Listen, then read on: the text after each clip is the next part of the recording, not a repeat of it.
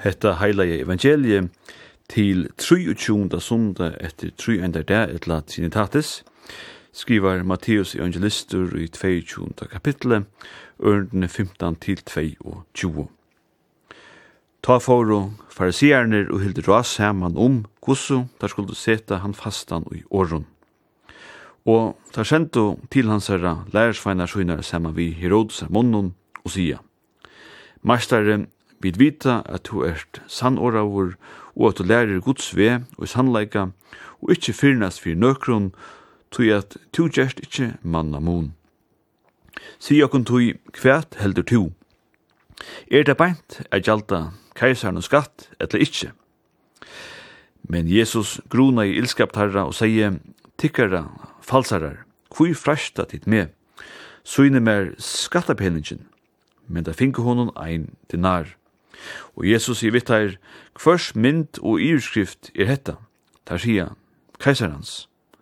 Ta sier han vitt her, djeve keisaren og ta ui keisarans er, og gode ta ui guds er. Og ta i der hetta horto, undra oss teir, og ta djinko fra honom, og foro av sted. Prætikoteksten som vi just har hørt, Man teljast middeltar kjentastu og Nudja testamentet. Og omframt er vi kjennan fra Matteus, er han eisne finna tja Markus og Lukas. Og i akkurat tog er det ikke alltid at et vel vil kalla et vel, men ofte han er friar vel etla et strusjvel. Ta kan vera verst að minnast er flere av samrøvnun og Jesus teker lot og i Nudja testamentet vera kalla er strusjsamrøver. Såleis er det ikkje vi samrøvende i dagsins prætik og tekste. Vysindene om hvordan du best ber til at vi åren, hvordan du friast malber til, kallast retorikkur. Og eit hotek ur retorikkinon kallast av latuine captatio benevolentiae. Det mestjer hvordan fast du best i byrjanene og en røvo eller samrøvo, fætur i velvildne etla tokkanum tja fölkje. Og til just her lærersveinanir tja farisiernum og Herodes er menn røyna, tatt her i samrøvene venda seg til Jesus. Tar er ikkje purner vi rose og føgrun åren om Jesus, ta deg byrja spyrja han og kalla han. Mastare, ta røyna a fenga hans herra velvild. Ikkje tui, Det var ikkje vanligt at fariseerne tog i tøyne høyde lærersveinar, så kanskje vær talan om menn av fariseerskon opprona. Og det var heller ikkje vanligt tja fariseerne er fari høstla vi Herodes av menn, som helst hava fyrir fire at løst landet fra romverskon ibevalde. Tøy fariseerar lopo ikkje glabbeinter i føvningen av meire etla minne opprestrar sinna von fölkje. Men her heva fariserar og Herodes menn så gjerst felags front imot Jesus. Det er jo fort som kan sauna som ein felags fudgjende. Sporningren der skjer til Jesus er hvordan jøtar skulle bære seg et ta talan er om den så kallar jeg tribunum capitis tan personliga skatten som romverjar kravde fra ötlun, jötun fra tui ta var holdvaksner til det fylto 35 år. Fyrir fleste jøtar var hesen skattur en tung byra, tog vi hesen vuste keisaren at han var herre i en fölkje, og i annars helse heva Israels god som sin god. Jesus verur settur i ena torrføra støvo. Om Jesus hei godkjent hetta sleia skatte, kunde hans herra svär vere brukt til at så iva om hans herra messianska myndelæga. Til sia så iva om at han vet han lova i Messias etla Kristus. Sværa i Jesus hinvei nei, at han ikkje skuldu gjalda skatt, så kunne han vir melda vår til ter romversko myndelagarnar, og kunne akast han fyrir elva til oppreistur. Men Jesus spyr om å få ein dinar. Av forsøgene var ein mynd av Tiberius, keisara, etter ankren og keisara familjene, og vi først stod årene Pontifex Maximus og hese Somo og. Det mestir høvus prestur. Og hinare sujene stå skriva av latuine Tiberius keisare, sonur hin godomlia Augustus, og stundun ver romverska friargodindan eisni æmynda, tøyun som Livia, mamma Tiberiusar. Og ta Jesus hefur spursar aftur retorist, hvers mynd og iverskrift er myndene, heva mennir sjálfur sværa spurningnum at a vær og leie er gjalta skatt. Men Jesus leie tåg træt, at a skulle djeva gode tæ og i gods er. Nu er prætikoteksten til 23. sunde etter 3 enda det etla trinitatis, ofta bruktur i meire etla minne lutherskun samanhengun, ta talan er om virskiftene, middelen kyrkjo og stat. Og det kan vera at teksten kan gjøre uiblåstur til kjækje. Men just spurningren om kyrkjo og stat hever neivanlig fremst i hoanon og lærersveinon tja fariseernon og Herodes er hendan dagen fyrir kjøtt 2000 åren sujane.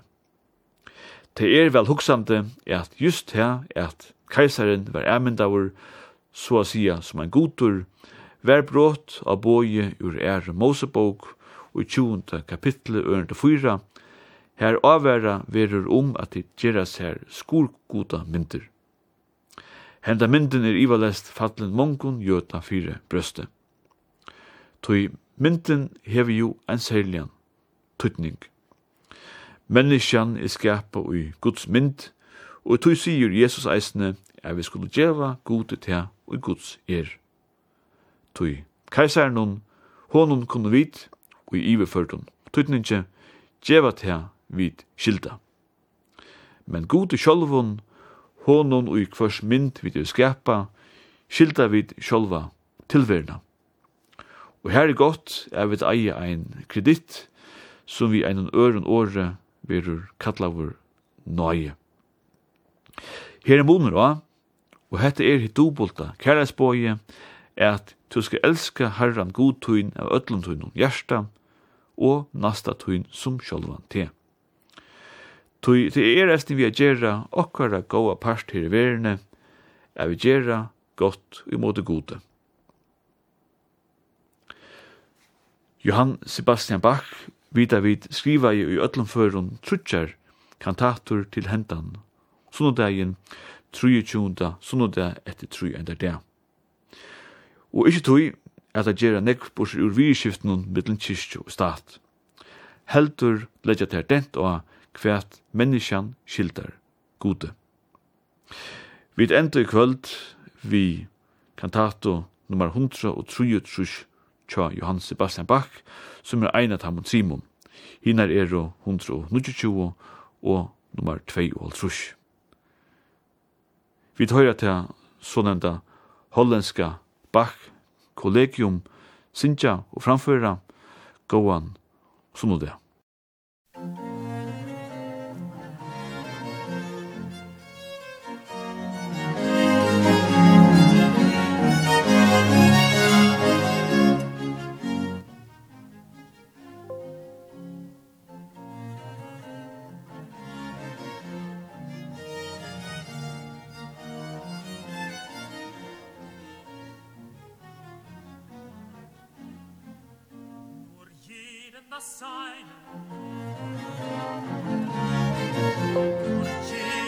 seine, nur jedem das seine nur jedem das seine nur jedem das seine nur jedem das seine das seine. Nur jedem das seine. Nur jedem das seine nur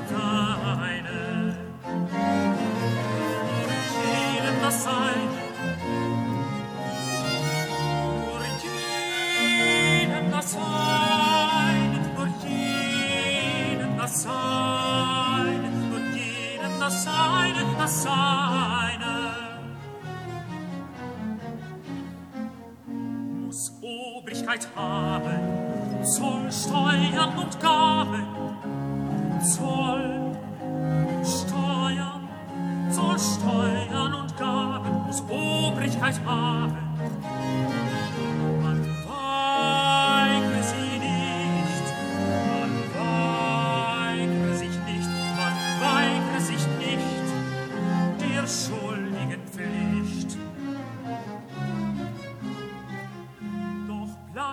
das Herz im höchsten alleine im höchsten alleine doch bleibt das Herz im höchsten alleine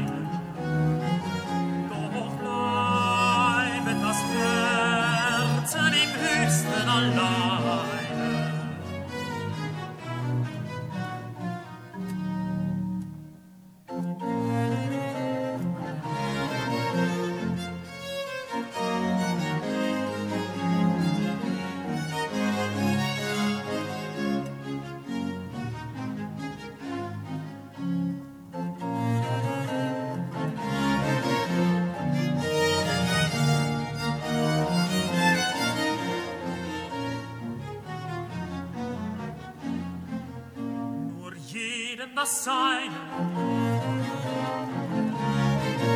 und jedem das Seine und jedem das Seine nur jedem das Seine nur jedem das Seine nur jedem das Seine das Seine